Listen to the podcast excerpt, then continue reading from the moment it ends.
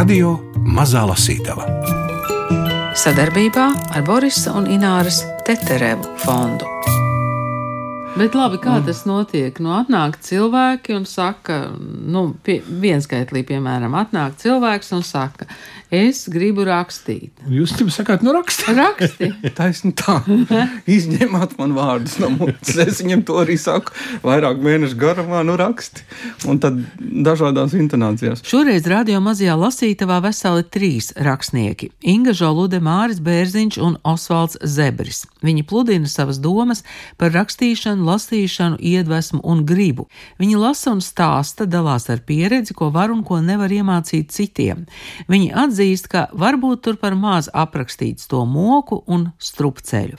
Viss notiek šķirstot dienas grāmatā izdoto rakstniecības laboratoriju, kurā dažādās formās 15 mūsdienu latviešu rakstnieki paver savas laboratorijas durvis, arī ironiski, kā piemēram Osvalds Zebris.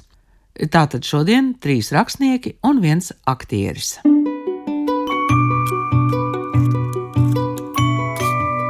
Man pieeja ir īstenībā ļoti vienkārša.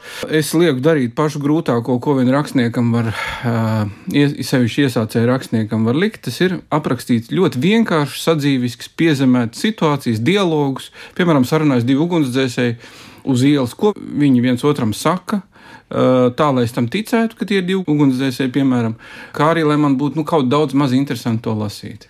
Tas ir nevis vienkārši divi veči sarunājas, bet tieši, tie tieši ugunsdzēsēji. Tā, tieši, lai, tieši tā lai ir noprotams, ka tie ir ugunsdzēsēji. Tā lai būtu noprotams, jā, nu kaut kāds, lai kaut kāda detalizācija, kaut kaut kāds konteksts. Nu jā, bet iedomājies, ka atnāk uz literāro mm. akadēmiju sapņēna meitene, un tu viņai lietas rakstīt par diviem ugunsdzēsiem. Viņa saka, nē, es gribu rakstīt kā Džojs, es gribu rakstīt kā, nu, es nezinu. Un Osvalds saka, nē, tu raksti lūdzu par ugunsdzēsēju. Nē, raksti par ugunsdzēsēju. nu, jā. Ir tāds jēdziens vidusskolnieču proza.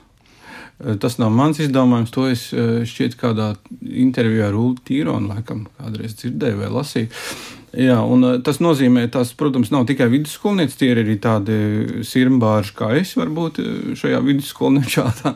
Bet nu, tas, ko cenšamies šajā literārā akadēmijā izskaust, ir vai neizskaust, bet maksimāli atgrūsties cik vien iespējams tālu no sevis, nu, no kaut kāda es, es, es, es gribu, es redzu, es esmu sapratis vai sapratusi. Varbūt viena no šīs vidusskolniešu prozas, manuprāt, eh, tādiem raksturiezīmēm, kad ir ļoti centrēts šis darbs tikai man personu. Un tā jau nekur tālu nevar aizrakstīties, vai ne? Jo to jau no sevis vien, jau neaizbēgs. Drīz vien izsmeļ. Tāpēc eh, mēģinam, nu, kā lai saka, tikt vaļā no sevis un rakstīt eh, nevis par sevi, bet par lietu. Rakstniecības laboratorija turpina viena no grāmatas redaktoriem Inga Žolude un rakstnieks Māris Bērziņš. Es izlasot visu šo krājumu, nodomāju beigās, ka te ir par maz moku, izmisuma, strupceļa, depresijas. Viss tā diezgan, nu, nav jau tik traki apmēram. Bet, nu, ir tā, ka. Bet, nu, ir traki. Nu, tur ir divi, divi gali mokas un prieks. Mm -hmm. un, un tas viens otru atsver, tā amplitūda ir liela. Mm, skaitlis 15, un tas, mm, tā gala kompānija, tā var teikt, sniedz ļoti vispusīgu uh, skatu uz rakstniecības procesu, visu, kas ir ap to, arī mazliet mokus. Tur ir tiešām iekšā. Jāsaka, ka tas pati tā grāmata ir diezgan pārsteidzoša beigās sanākusi, jo ja mēs sākumā varbūt devām tādas vadlīnijas un jautājumus, par ko rakstīt, par ko tad jūs varētu rakstīt, tad Eh, katrs autors, eh, jūs lasīsiet, redzēsiet, ir ļoti individuāli piegājis ehm, šim te, kas tas ir, vai tas ir raksts, vai tā ir eseja. Jā, ja, piemēram, mēs paskatāmies Ilis Jansons eh, šos atcerējumus, tad viņi sāk ar to, ka man lūdzu uzrakstīt eseju, un es vispār nezinu, kas tad ir eseja īstenībā, jā, ar pārspriedumu tādu. Vai, piemēram, ja mēs paskatāmies Osvaldu Zebri, tad tur ir likumi rakstniekiem, jā, 20 likumi rakstniekiem, tā kā ļoti dažādi arī žanri žanriski jā, šie darbi ir. Viss šī literārās akadēmijas padarīšana un vispār rakstīšanas būšana ir viens nolādēts subjektīvs pasākums. Ja es uzskatu, ka es ticu tam tajā brīdī, un es, es viņus dzirdu, šos ugunsdzēsējus, tad viņi tur ir. Ja es nē, tad mēs, ne, nu, varbūt es šeit mazliet pārspīlēju. Mums tāda, tomēr, vismaz es esmu tāda, zinām, demokrātija iedibinājusi. Mēs visi kopā vērtējam gan dialogus, gan stāstu fragmentus, ko ir sarakstījuši kopš iepriekšējās nodarbības, jo mēs parasti ir nodarbība, un tad ir kaut kāds pārtraukums, kur laikā kaut kas ir jāuzraksta, un tad mēs kopīgi tur ķidājam. Eh, vienojamies sākumā, ka neviens neapvainojas, esam ļoti godīgi, jo parasti jau uz rakstnieku jautājumu, vai tas kaut kam ir derīgs un jā. interesants, mēģina atbildēt iejūtības pilnu, uh, iejūtības pilnu jā, kaut kādu teikumu, ka turpini vai, vai, vai bija interesanti, bija saudabīgi. Bija jā, kaut ko tādu nebija lasījis. Jā, Man tas drusku atgādina aktieru meistarības vingrinājumus. Tāds ir tas vingrinājums, etīde, ja, kad ir nu, divi, viens, divi, trīs, četri filmu aktieri. Redzams, nu, jā, bet, nu, teiksim, četri jauni, teiksim, tēma. Ugunsdzēsēji pēc tikko nodzēsta ugunsgrēka sarunājas. Vai ko viņi dara? Nu, tad tev ir jāizdomā etīde, jāizmanto tas, par ko viņi runā, kā viņi runā, vai viņi ir vienas tautības, viena vecuma vienas dienesta pakāpes, eh, vienādi bijuši iesaistīti. Varbūt viens ir komandieris un sēdējis kabīnē un devis parācīju komandu, kamēr tie ir gājuši liesmās. Kā tas ir? To aktieriski pasniedzējs vērtē. Jūs arī šādi vērtējat? Protams, dialogs ir viena no visgrūtākajām disciplīnām prozā. Jo viņš parasti, nu, nevis parasti, bet bieži vien sanāk klamzīgs un tāds, ko mēs lasām un neticam tam, ka tie cilvēki tiešām tā varētu domāt. Mēs šos dialogus skaļi lasām, jo vispār prozā ir ļoti svētīgi skaļi lasīt. Jo tad dzird pavisam citu noti nekā lasot eh, klusiņām savu tekstu. Nu, lūk, mēs šos dialogus skaļi lasām, un tad mēs arī jūtam, vai mēs redzam šos ugunsdzēsējus tur vai nē. Bet līdzīgi kā etīdē, jā, mēs gribam viņus sajust. Nu, jā, nu, ja īpaši svarīgi ir skaļi lasīt, tad es varbūt pievērsīšos traucējumi un noskaņojums. Ja rakstu romānu, tad cenšos pilnībā pievērsties tikai tam, un katru kairinājumu no ārpuses uztveru diezgan īgni. Labprāt tiekos ar lasītājiem Latvijas bibliotekās, ar prieku aizēju uz kolēģu grāmatu atvēršanām, satieku kādu draugu vai parunājos pa telefonu, bet neko vairāk negribu. Pamazām esmu iemācījies noraidīt dažādas piedāvājumus, kaut ko nelielu uzrakstīt vai kaut kur piedalīties. Tomēr līdz pilnībai man vēl ir tālu. Reizēm aicinājumiem tomēr atsaucos. Šo tekstu rakstu, kad Ukrainā plosās karš, un tas atstāja iespaidu. Sākumā nemaz negribēju knibināties ap savu nabu, jo prāts bija pilnībā aizņemts ar notiekošo kara laukā, un emocionālais stāvoklis diezgan čābīgs. Kāra trešajā mēnesī es sapratu, īstenībā neko es nesapratu. Vienkārši apradu ar šausmām un sāku prātot par savu rakstīšanas pieredzi. Tiesa vēstījums raisās lēni, jo ik pa brīdim jāpaskatās kara ziņas, jāpadomā par ģeopolitiskajiem jautājumiem, tomēr uz priekšu iet. Vēl viena nejaucība, ko rakstīšanas periodā uztver ļoti sāpīgi, ir tehniskas ķibeles mājās. Sabojājies apkurs katls, jumts caurs, pārplīsusi ūdens caurule, tiek garstāvoklis sabojāts mirklī un uz ilgu laiku. Šo to pats spēju salabot, bet diena vienalga ir izķēzīta un labi, ja tikai viena. Vēl ļaunāk, ja nāks meklēt meistarus un gaidīt, kad tad viņi beidzot ieradīsies un tiks galā ar likstu. Kamēr viss atkal nedarbojas kā nākas, rakstīt nespēju. Nervozēju, jūtos vainīgs, ka mājā kaut kas nav kārtībā. Saprotams, es izdaru, ko spēju, bet nepatiku pret sadzīves klapatām izjūta daudz sāpīgāk nekā pirms 20 gadiem. Literārās darbības laikā esmu mainījies uz nesaimniecisko pusi, un diemžēl nav neviena cita, kas ar šīm nebūšanām nodarbotos. Nē, vēl iemācījies mierīgi pieņemt to, ko pats nespēja mainīt. Un pietrūkst pacietības gaidīt, kad atnāks palīdzība no malas. Visu gribas tūlīt. Neatrisināti konflikti un problēmas ietekmē noskaņojumu, bet bez pozitīva, vismaz neitrāla gara stāvokļa rakstīšana nevedas. Sliktā omā un palielinātas trauksmes stāvoklī nevienmēr izdodas ienirt rakstu pasaulē un uz dažām stundām aizmirst par neatrisinātiem jautājumiem citās dzīves nozarēs. Taču pie iekšēja miera sasniegšanas cenšos piestrādāt, un nelieli panākumi ir. Tas bija Mārcis Bērziņš. Tas bija Mārcis Bērziņš. nu, tad es par iedvesmu. Tas ir svarīgi. Jā. Man ir sava iedvesmas definīcija. Iedvesma sastāv no labas idejas un gribas šo ideju realizēt. Viens bez otra nevar iztikt. Gadās, ka pēkšņi uzrodas abas sastāvdaļas vienlaicīgi, taču esmu kaut kur aizgājis vai aizbraucis aizņemts ar ko citu. Bet tad, kad beidzot varētu savu iedvesmu izmantot, tā ir gājusi mazumā vai vispār izplēnējusi. Uznāk mazliet skumīga sajūta, jo iedvesma ir aizgājusi pa skuju taku. Citreiz uzrodas tīri glīta ideja. Es pagrozu to prātā, pie sevis nopriecājos, bet ir nepārvarams slinkums piesēsties un likt to uz papīra. Tā parasti notiek, ja tajā brīdī neko konkrētu nerakst. Iepriekšējais darbs ir pabeigts, bet jauns vēl nav iesākts. Iekšēji attaisnoju sev, ka pie iepriekšējā darba esmu tā nostrādājies, nu tik ļoti nomocījies, ka vēl nav pienācis laiks domāt par ko jaunu.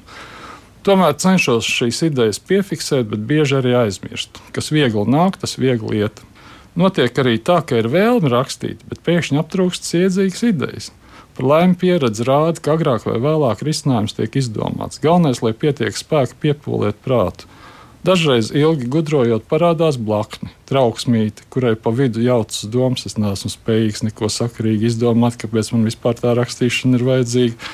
Tiesa gadiem ejot, esmu iemācījies ar šo un citām blakus parādībām daudz maz sadzīvot. Gribu nevienā veikalā nopirkt nevar, taču man šķiet, ka vēlme jau pa pusē ir griba. Un ar zināmu piespiešanos to var pārvērst par gribu.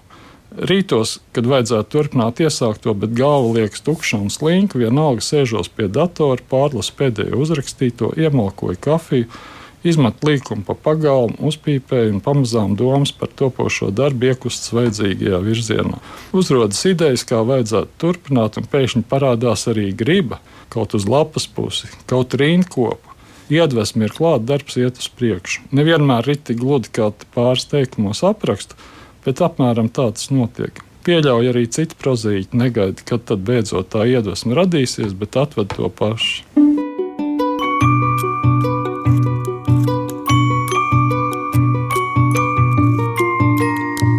Radio Mazā Lasītava.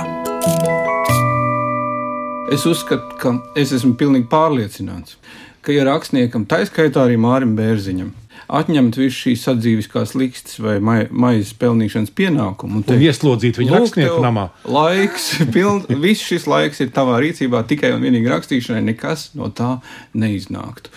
Jo starp cauruļu labošanu vai maizes darbu un kaut kādu prozas rakstīšanas brīdi veidojas veselīga spriedze, kas tevi motivē brīdī, kad tev ir laiks šai prozas radīšanai. Tu esi daudz motivētāks, un tev ir saka, skaidrs, ka šajā laikā tev ir jānonāk līdz rezultātam. Pilnu laiku rakstnieku un pilnu laiku dzīvnieku ir liels retums. Mm -hmm. Tā ir iespējamība, bet retums. Pats esmu nu, jau ar rakstniecību vairāk vai mazāk saistīts 15 gadus kopumā, un šķiet, ka Mm, lielāko daļu no šī laika es, protams, arī uzskatīju un mocījos ar to, kā šausmas. Man ir visādi maisa darbi, man nav laika literatūrai, cik daudz gan es varētu uzrakstīt, ja šo, tā visa Bet nebūtu. Jūsu maisa darbs arī saistīts tomēr ar rakstīšanu. Jā, e, mans mājas darbs ir saistīts ar rakstīšanu, par ko es esmu ļoti pateicīgs, ka tā ir izveidojies, ka es drīkstu un man ir ļauts ar rakstīšanu nopelnīt, nu, ar dažādu veidu korporatīviem tekstiem pamatā. Mazliet žurnālistika arī. Bet kaut kad pēdējā laikā es esmu sapratis, ka tā ir tā īstā formula. Ka ir jābūt vis kaut kādiem traucēkļiem, kuriem tu tiec pāri, un tad tu mērķiecīgi ķeries pie rakstīšanas. Es nezinu, kurš no tā ir uh, amatierisms, uh, vai caurule, vai stāsts, bet tie ir vienkārši tās ir lietas, kam ir jāsadzīvo. Kas ir tie dzinuļi? Gaidām iedvesmu, Pegazus un visu pārējo, vai tomēr nodarbinamies kaut kādā procesā? Un varbūt sākumu pilnībā atmetam, bet vidū kaut kur kaut kas jau ir radies. Man visvairāk iedvesmo pats teksts. Es nevaru neko atbildēt par to pirmkustinātāju. Nu, ir dažādi. Ir, eh, manā pieredzē bijuši gadījumi, kad viens teikums man ir pilnīgi skaidrs. Tiesa sēdz 11. dienā nomira Aleksandrs Sergejevičs Gvozdikovs. Lūk, šāds teikums, tas ir no manas pirmā stāsta krājuma jau vai dieniņa sen atpakaļ. Šāds teikums man ienāca prātā, un es nezināju, nedz, kas ir šis Aleksandrs Sergejs Gozdikovs, nedz kāda tiesa sēde un kāpēc 11. dienā, bet pamazām no šī viena teikuma izveidojās stāsts. Zinu, ka arī citiem autoriem ir līdzīgi, arī lūgas šādi ir tapušas, esmu kādreiz lasījis. Un tad teksts, kuru es sāku pamazām rakstīt, viņš dzen pats sevi uz priekšu. Tur tā iedvesma veidojas, man tā ir. Es redzu vienu rindkopu, man nepatīk. Es viņu mainu vietām, vārdus, meklēju jaunus sinonīmus. Nu, tad tā rindkopa man jau sāk patikt. Un tad ir rakstu nākamo. Tā.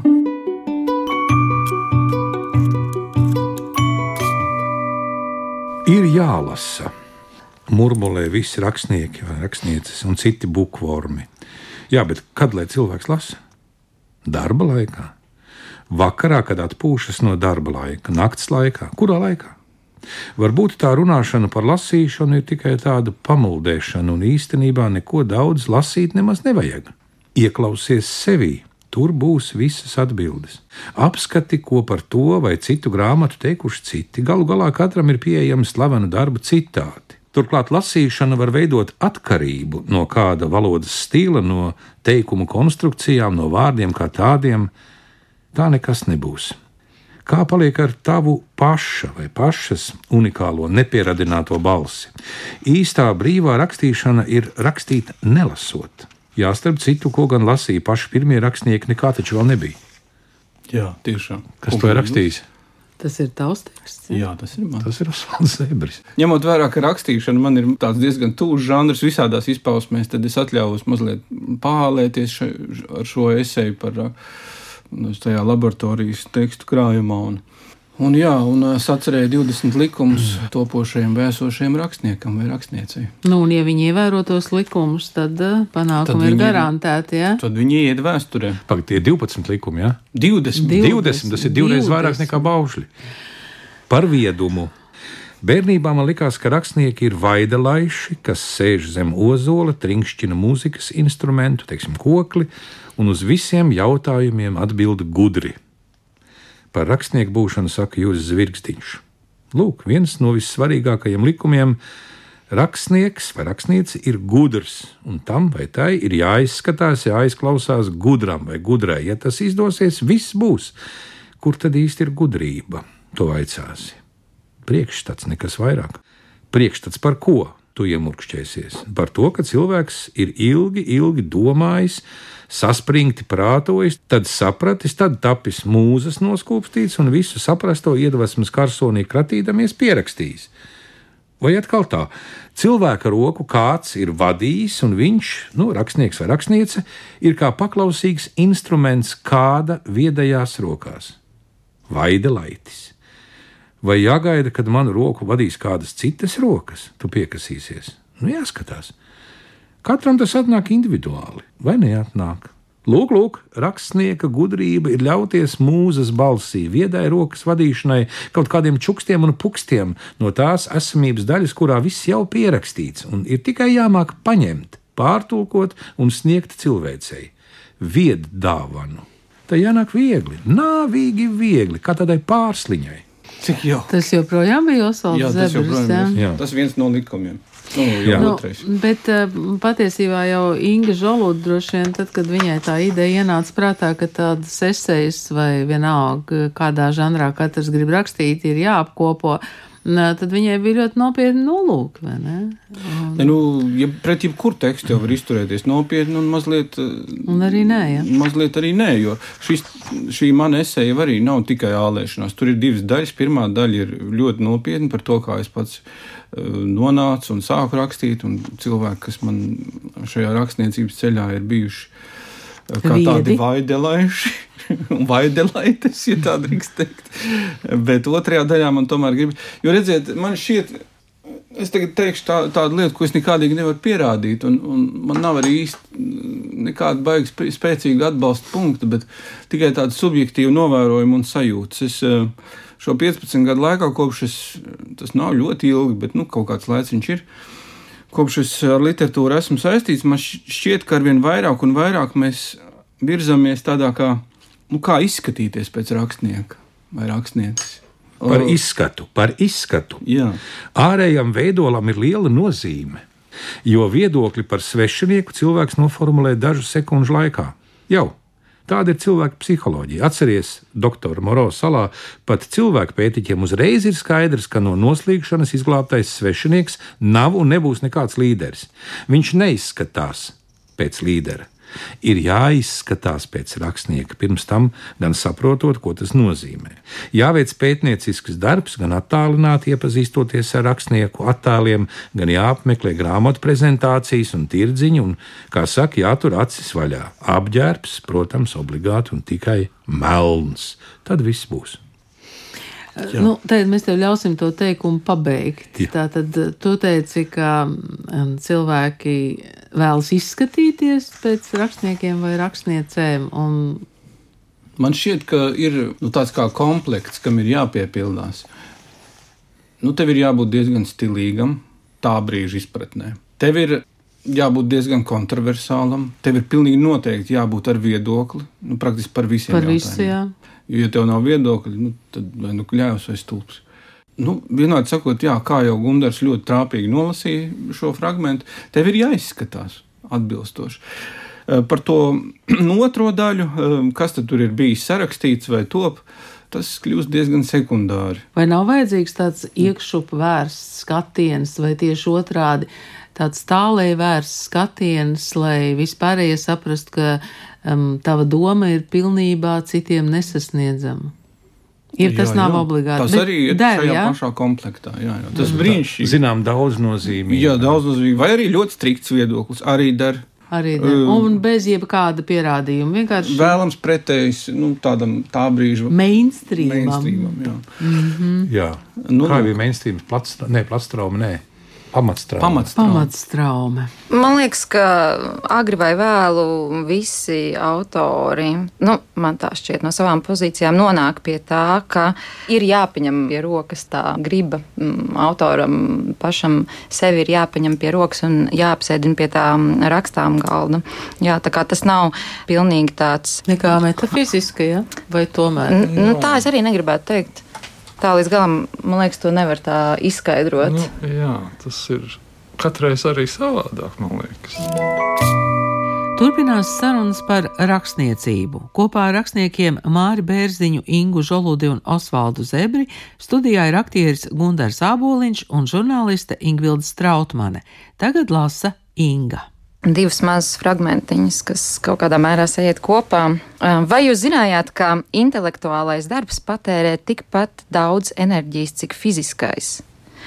Un ka intensīvas rakstīšanas laikā es svīstu un mana sirdsdarbība pātrinās. Pēc tādas dienas es jūtos kā noskrējis maratonu. Varbūt mazliet arī kā attaisnojis savu eksistenci. Esmu atstrādājis man piešķirto biļeti sēdēt šajā vilcienā, kas varbūt iet uz Lisabonu naktī, bet varbūt uz Dresdeni vai Parīzi. Rakstīšana man nozīmē sarunu. Tā ir mana komunikācija ar pasauli, tas ir veids, kā es komunicēju sevi pasaulē. Rakstot, man ir ar ko sarunāties sarunāties par tām lietām, par kurām nevarētu bilst sociālā situācijā, draugu kompānijā vai pat rakstnieku pasēdēšanā. Rakstot, es varu sarunāties ar kādu. Kurš ir šis kāds? Papīrs, es pati, kāds cits. Man patīk socializēties ar tekstu.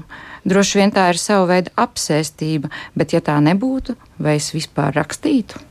Jā, par to svīšanu es neuzrakstīju. Es domāju, ko es par to svīšanu. Es tikai uzrakstīju, ka man ir darba aplikums, kur es eju noskalot dušā. Lasot citu autoru darbu, kolēģu darbus, es secināju, ka es vēl šo varēju pierakstīt tā, un tu es nepateicu, jā, jā, man arī tā ir. Nu, Citreiz paņemu no plaukta kādu grāmatu un sāku lasīt. Lasu, lasu un jūtu, ka paralēli lasīšanai prātā sāk virmot kaut kas pavisam cits. Tās ir domas, kurām pirmīt zinos pakaļ, bet nenoķēru. Un viņas it kā saka, ko tu tur tik aizrautīgi lasi? Vai tev nevajadzētu pašam ķerties pie rakstīšanas? Rakstniecības laboratorija izdevusi dienas grāmata. 15 latviešu mūsdienu rakstnieki dalās ar savām, gan funkcionāli praktiskajām, gan alķīmiski mistiskajām pieredzēm.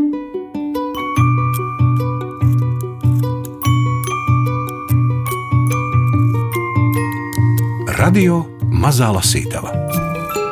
Sadarbībā ar Borisa un Ināras Teterevu fondu.